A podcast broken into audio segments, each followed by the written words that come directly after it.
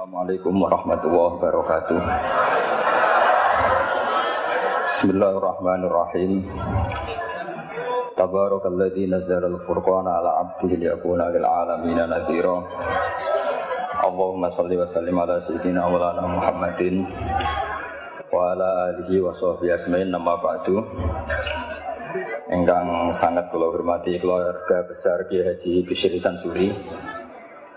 Sedanten mawon mulai sing nyai sampai sing jabat nih wonten Mas Boemin wonten Mas Halim sedanten Engkang kula hormati Ki Haji Anwar Mansur, Ki Haji Mustaqul Ahyar sedanten Pak Marzuki. Saya ini senang sekali karena kebagian kedua setelah Lek Koyum. Jadi saya perlu cerita kenapa beliau tadi manggil saya ponaan. Jadi mbah saya kandung itu namanya Fatimah. Fatimah itu punya ibu Sofia. Sofia itu punya adik Badiah yang melahirkan Mbah Sahal. Mbah Sahal punya Mbak Yu namanya Muzayyana, di Garwage Mansur melahirkan Gus. Jadi saya dengan beliau itu kacek sak topoh sehingga saya manggil beliau itu Pak Lek. Terus sudah seharusnya beliau dulu baru saya karena beliau tadi sudah serius saya akan yang santai-santai saja. tadi saya tanya Gus nih, pertama minta saya di Rembang itu saya tadi memang baru sholat sebetulnya saat sholat ya ingin sholat saja tapi pas baru salam sudah disuruh ngadeg ini kayaknya agak-agak sopan tapi ya sudah ini sudah sudah takdir saya ini. saya itu bikin aturan yang boleh ngundang saya itu pernah sepuh. Ternyata yang pernah sepuh itu banyak. Ini ada Pak Marzuki yang sangat kecewa dengan saya karena ngundang saya tidak mau. Tapi sebetulnya karena saya ini fanatik fikih. Saya ini punya pondok, punya ibu. Jadi yang bisa menggugurkan kewajiban saya itu harus yang lebih sepuh. Jadi orang yang kalah sepuh dengan saya ngundang itu sudah haram. Jadi ini bukan bukan keangguan ini, tapi ya memang aturannya seperti itu. Jadi konstitusinya seperti itu. Terus kenapa saya tanya sama Gus ini, apa Mbak Bisri Sansuri punya karangan? Karena saya tidak biasa hol, kemudian tidak punya naskah yang diholi. Saya punya karya banyak tentang Mbak. Uh, saya punya karya banyak tentang ahli sunnah wal jamaah yang dikarang Mbah Hashim, yang dikarang uh, Mbah Ali Maksum, termasuk yang dikarang Kiai Mahfud, Lirboyo meskipun saya tidak punya karangan detail tapi guru saya Kiai Memun Zubair itu alumni Lirboyo sehingga saya tahu banyak mazhab Bakari. Dari sekian mazhab Bakari yang saya paling suka itu nggak pernah merujukkan domir. Jadi santri sarang kalau pas nggak bisa merujukkan domir ya wadali kau mengkono mengkono iku lahu gede mengkono gitu. Alasannya anut Mbak Karim gitu. Ini ada Kiai Anwar dan saksinya. Kata Mbah Karim, Abdomir fit domir, famalam ya'rif fit domir, falesa lahu domir. Jadi domir itu ada di hati, yang nggak punya hati yang nggak tahu domir. Dan itu nyata. Nyata ketika ada perdebatan dua tokoh top yang sama-sama ahli nahwu. Berdebat Manil Abdul, siapa yang paling utama antara Ali dan Abi Bakar? Rupanya itu ada penengah yang ahli domir. Mungkin karena ngajinya di Lirboyo, jadi ahli domir. Debat. Yang satu bilang Abu Bakar. Karena mertuanya Rasulullah dan sohibu filhor. Yang satu bilang Ali, karena Ali itu fadilnya kita tahu, beliau termasuk orang yang kata Nabi, besok royah ini, bendera ini akan dibawa rojulan atau saya kasihkan rojulan sing yuhibbuhu wa rasuluh atau yuhibbuhu wa rasulah wa yuhibbuhu wa rasuluh. Ketika berdebat tentang sekian manakibnya Abu Bakar dan Sayyidina Ali, ada penengah yang ngendikannya begini. Pokoknya yang paling afdal itu mangkanat bintuhu tahtahu. Ya, kalimatnya gitu toh, mangkanat bintuhu tahtahu. Itu semuanya terus clear, seneng semua. Karena kalau orang yang mentakdim Abu Bakar ala alien, kalau maknanya gini, yang paling afdal adalah maniku wong Kanat kang ono sopo bintuhu anak wedo eman iku tahtahu ono ing kekuasaan Nabi. Orang yang punya putri, yang putrinya itu di bawah Nabi. Artinya siapa? Abu Bakar. Yang prosedinali juga senyum-senyum seneng. Karena dia kalau dia maknanya gini, maniku wong kanat kang ono sopo bintu putrine nabi iku tahu ono ini sore maniku itu siapa Sayyidina Ali jadi domir mengkono-mengkono itu cespon gitu itu sekali dimaknani itu masalah jadi maka berbahagialah santri yang nggak pinter karena ternyata nggak pinter itu ada padanannya yang orang pinter yaitu bakarim bedanya bakarim nggak ngerujui karena pinter kalau kita karena tidak pinter. Tapi insya Allah mata sabah komen bahwa minhum ya. Jadi kalau kalau nggak bisa alim ya mirip-mirip orang alim. Ya. Saya ini uh, pemerhati tafsir ya. Itu memang sampai sekarang itu problem saya ini domir. Saya nggak pernah niat kalau akan ngomong ini karena nggak ada naskahnya Mbak Bisri. Ini tantangan untuk anak cucunya. Padahal beliau-beliau itu pasti punya naskah. Ini PR yang harus diselesaikan. Nggak mungkin lah seorang ulama tidak punya tulisan itu tidak mungkin. Karena ulama itu meskipun tidak niat ngarang itu pasti banyak tulisannya. Saya yang tidak cucu Mbah Hasim Asari itu punya tulisan tangan Mbah Hasim. Karena ketika mengijazahkan Soheh Muslim sama buyut saya Mbah kelima. Jadi buyut-buyut saya dengan Pak Said, dengan Lekoyum itu sama, sama-sama turunan Kudus. Saya ini paling muda, jadi kira-kira kalau saya manggil Pak Said itu ya pernah mbah. Kalau manggil Gus Koyum pernah lek. Makanya saya sampai sekarang ngajar di Kudus, di pondok Kudus paling sepuh. Namanya Ki Soleh bin Asnawi Sepuh. Dulu beliau gurunya Mbah Soleh Darat. Mbah Soleh Darat dulu pernah ngaji di Mbah Soleh bin Asnawi Sepuh. Kemudian punya anak namanya Maksum, Maksum punya anak namanya Hafsah. Lah Hafsah ini yang punya anak Sofia, terus Badiah dan seterusnya yang dari turunan Kudus. Saya mau cerita, domer itu harus dikaji. Kalau sekiranya tidak mungkin, maka harus membuang. Saya cerita ini karena saya tahu di biografi Kiai Bisri Sansuri, beliau pernah istifadah sama Syekh Bagir Jogja, termasuk sama Syekh Mahfud Termas, sama beberapa mas saya dari Yaman, seperti Said Al-Yamani. Dan saya dari sekian itu banyak yang punya naskahnya. Di antara seni ya, seninya ulama Indonesia adalah uh, maktutot atau catatan apa saja itu dikaji dan kemudian diteliti, kemudian diaplikasikan di Indonesia dengan alasan muktadal hal. Sehingga dalam tafsir masail itu kadang ya ya agak jorok, tapi jorok yang baik. Maka saya pernah basul masail dulu di Pondok Sarang. Ini nggak boleh ditiru oleh anak-anak bagaimana hukumnya desainer pakaian yang mendesain celana pendek untuk perempuan. Itu semua mengatakan haram karena gara-gara desain itu perempuan kemudian tidak pakai maxi, tidak pakai celana karena memang desainnya untuk langsung dipakai tanpa pakai e, maxi atau pakai celana. Ada yang bilang tidak haram. Bagaimanapun celana pendek itu berkontribusi ikut menutup aurat. Artinya dia tetap menyumbangkan nutup aurat. Hanya tidak usah tambahan bayangkan, wah kalau haram ya dilepas ya jangan gitu. itu kan masalah. Jadi fikih itu kadang ya agak-agak kacau. Kita mau bilang haram nyatanya memberi kontribusi ikut nutup aurat, mau bilang halal dengan desain seperti itu perempuan masih menampakkan apa? Aurat. Jadi debat fikih itu kadang ya tidak mutu. Tapi dari tidak mutu itu ya kemudian tetap melahirkan kecerdasan dan itu termasuk yang dibicarakan Syekh Mahfud namanya tasfidun nazar. Orang menjadi cerdas. Saya pernah baca di Nailul Makmul, ini sekaligus senam otak untuk anak-anak Denanyar. Ini bukan ngetes kiai tapi ngetes anak-anak. Nanti kalau apa ini disalahkan Ki Miftah atau Yai Anwar ya saya langsung taslim karena saya pasti samina wa atau naik. Tapi kayaknya enggak. Karena saya baca, saya ini ngerpek di Semafut. Kalau sama nyalakan saya, nyalakan Semafut. Semafut itu gurunya Ki Bisri Sansuri. Ada ada fardul masalah begini saya ulang lagi, ada fardil masalah begini.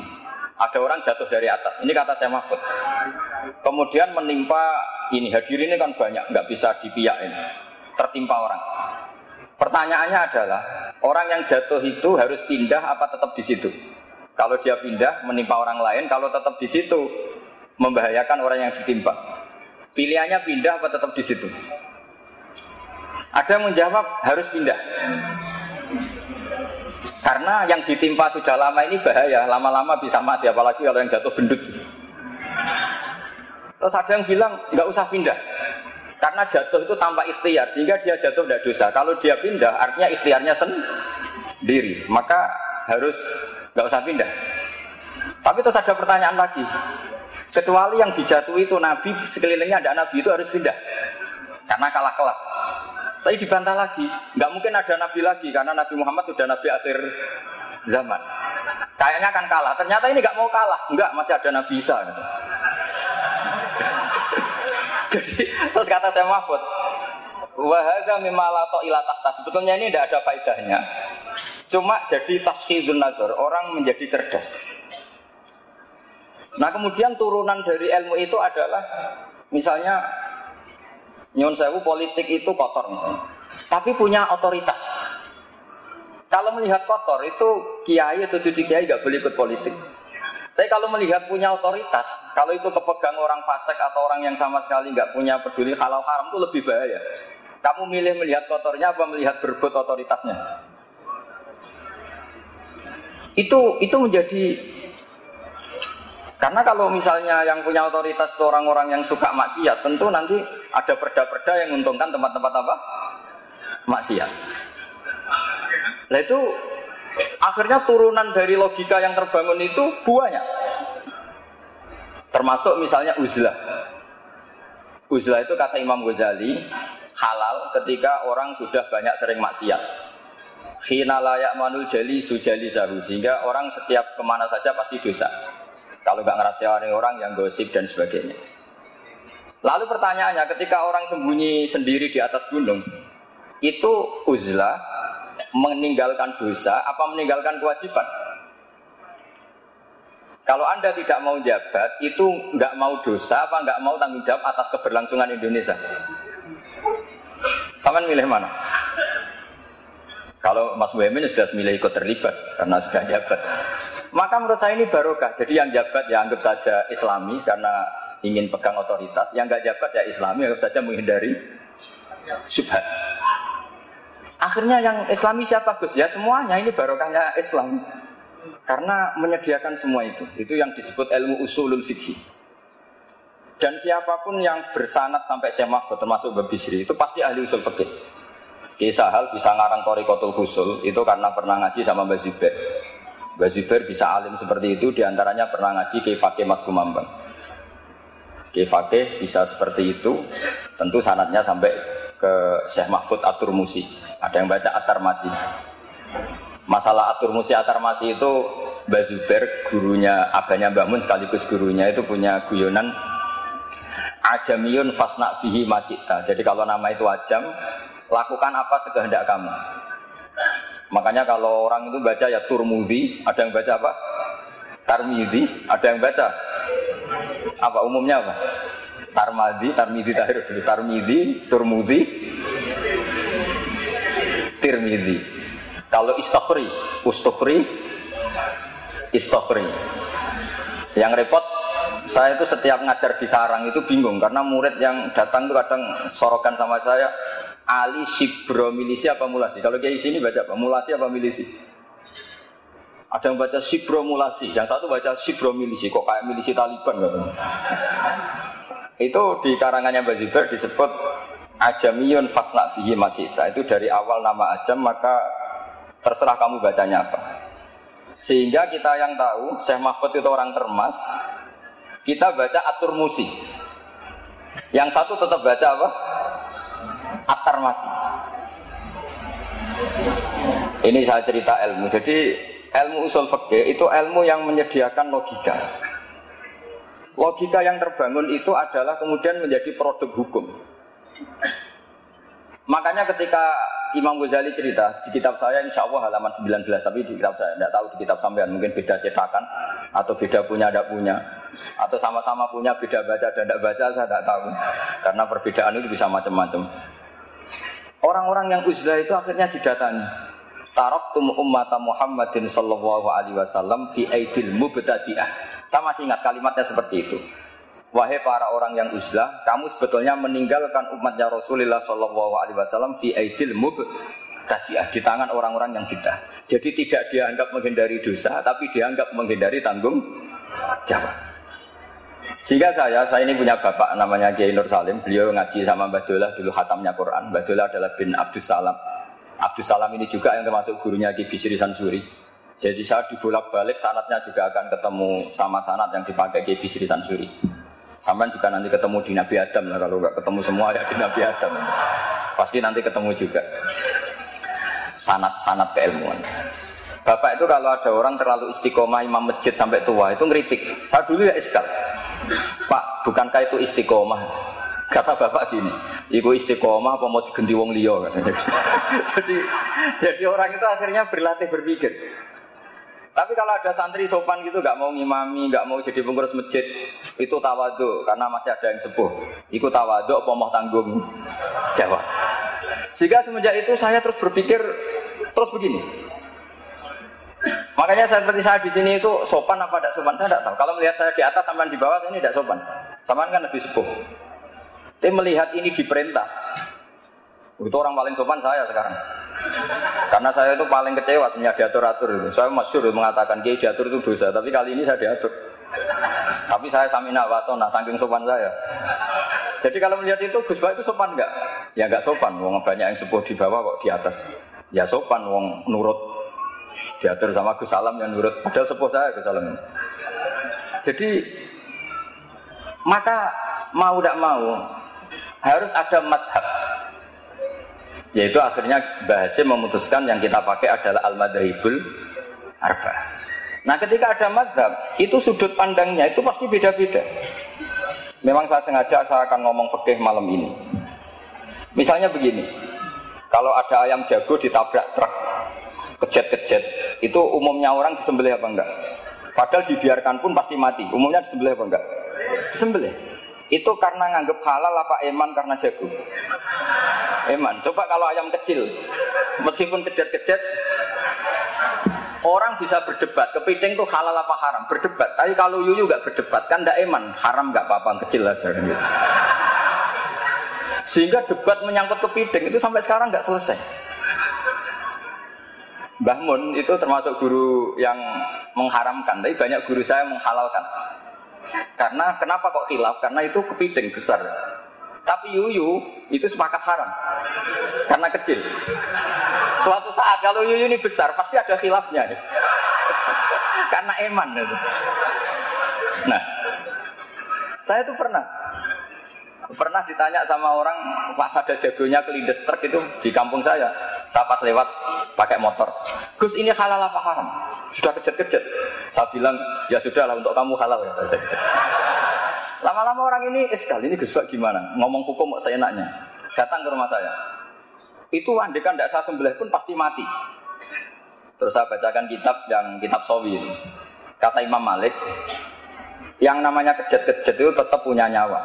Sehingga penyembelian ini tetap berfungsi menghilangkan nyawa. Itu sudah cukup dikatakan zabhu, menyembelih.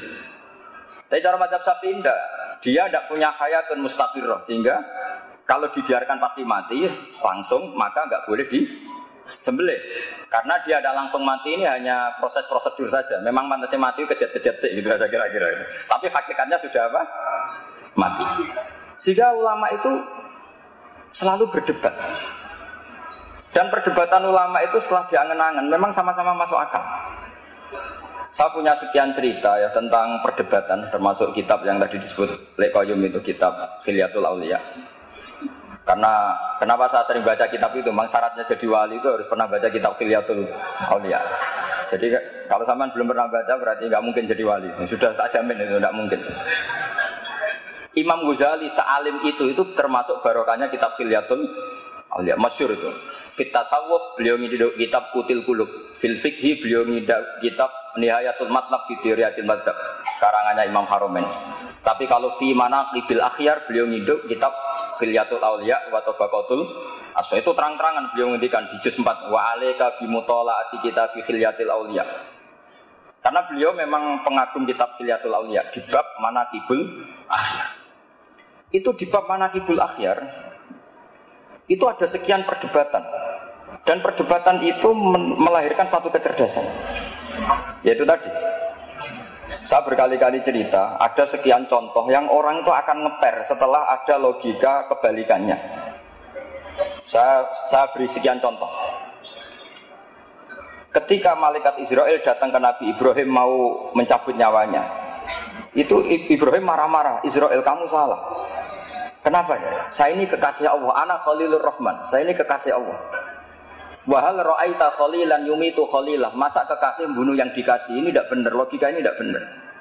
Karena Israel gak biasa basul masail, gak pernah ikut basul masail di BW Jawa Timur yang Bapak Marzuki itu datang ke Allah. Ya Allah, logika ini kata Nabi Ibrahim gak benar. Karena wahal ra'aita khalilan yumitu khalilah. Terus sama Allah diajarin. Ya sudah bilang ke Ibrahim gini. Wahal ra'aita khalilan yakrahu ayal khalilah Masa orang yang dicintai kemudian tidak siap ketemu yang dicintai? Datang lagi Israel. Wahal ra'aita khalilan yakrahu ayyalqa khalila. Oh iya ya, tidak apa-apa, mati tidak apa-apa. Jadi dibalik langsung rubah. Dulu pernah ada jagongan ulama mau menganggap cengkeh itu pewangi. Alasannya kue-kue tar dikasih cengkeh. Maka cengkeh kategorinya pewangi. Artinya apa efek hukumnya? Kalau orang ikhram rokok berarti wajib bayar dam karena pakai pewangi, yaitu cengkeh. Karena roti tar dikasih cengkeh, terus beberapa wedang cengdem juga dikasih apa? Kemudian ada ulama yang ngendikan kalau gitu orang jumatan kesunatan rokok. Karena orang jumatan disunatkan pakai wewangian. Langsung lebar, wah tidak jadi, tidak jadi. jadi itu usul fikih. Sehingga Eh, katanya pakai nakal tidak apa-apa. Ini nakal yang Islami. Saya memang termasuk orang yang kata Gus Rizal Lirboyo diberi gelar Gus Speak doktoral honoris causa cangkem elek katanya itu. Saya ini sebetulnya bangga dengan gelar itu karena itu cara sahabat melindungi Rasulullah Shallallahu Alaihi Wasallam. Jadi saya sengawur-ngawur saya ini masih punya sanat. Dulu ada orang Bedui datang ke Nabi, ya Muhammad, jika kamu nabi, birni amma fi batni Faah birni amma fi batni Jika kamu Rasulullah, sing idda'ai tak kamu ngeklaim tahu barang goib, coba yang di kandungan perut onta saya itu lelaki apa perempuan? Isinya apa? Ya? Itu Nabi kan mangkel, masa Nabi kok ditakoi isi kandungan apa?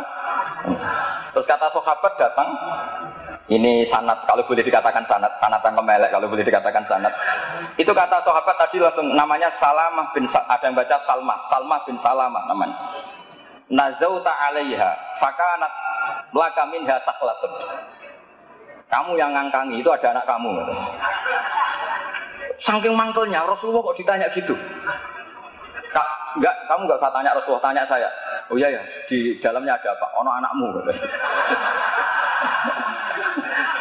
Karena dia begitu saking mangkelnya. Masa Rasulullah kok ditanya, "Idza kunta Rasulullah fa akhbirni amma fi batni naqati." Jadi kadang orang itu mau tidak mau ya, nggak ada pilihan.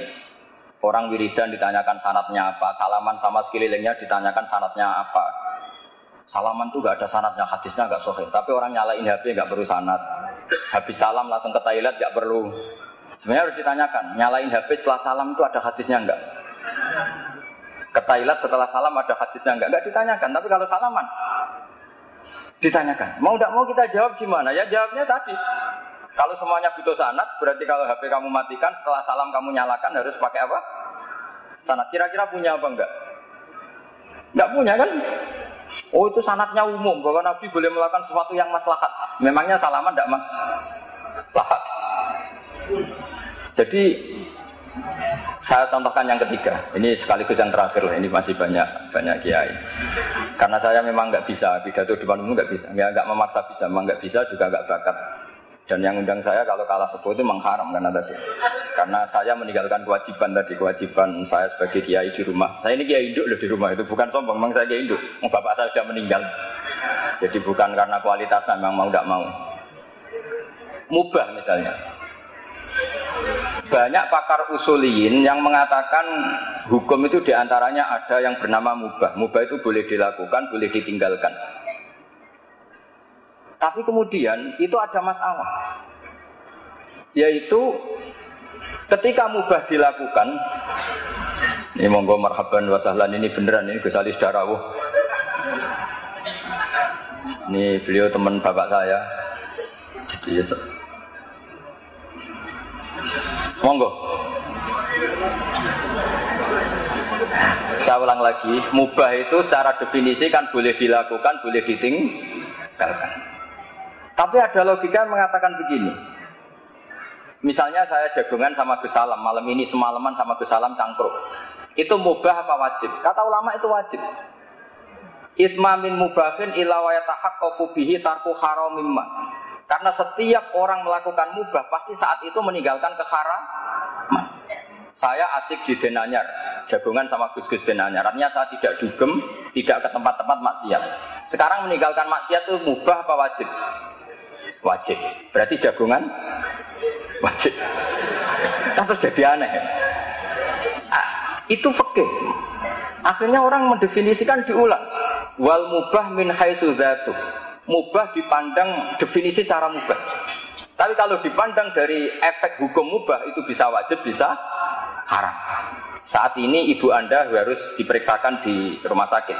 Anda jagongan, maka haram karena kategorinya tarkul wajib. Tapi kalau melihat sekarang kamu tidak dugem ngaji seperti ini kan sunnah. Tapi barokahnya ngaji seperti ini Anda tidak melihat maksiat. Berarti ngaji ini sunat apa wajib? Wajib karena tarkul tarkul maksiat. Akhirnya orang terus mikir.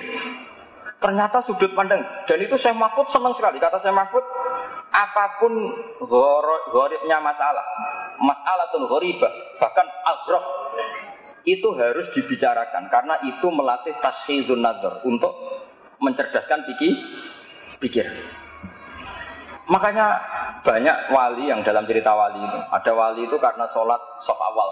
Kita tahu sof awal kayak apa. Tapi ada wali itu jadi wali karena kalau sholat itu di sof. Ketika ketemu di forum wali, dua wali ini, loh kamu kok jadi wali? Bukankah kamu kalau sholat di sof akhir? Iya. Kenapa kamu tetap jadi wali? Saya tuh malu ketemu Allah di depan, kayak paling suci saja.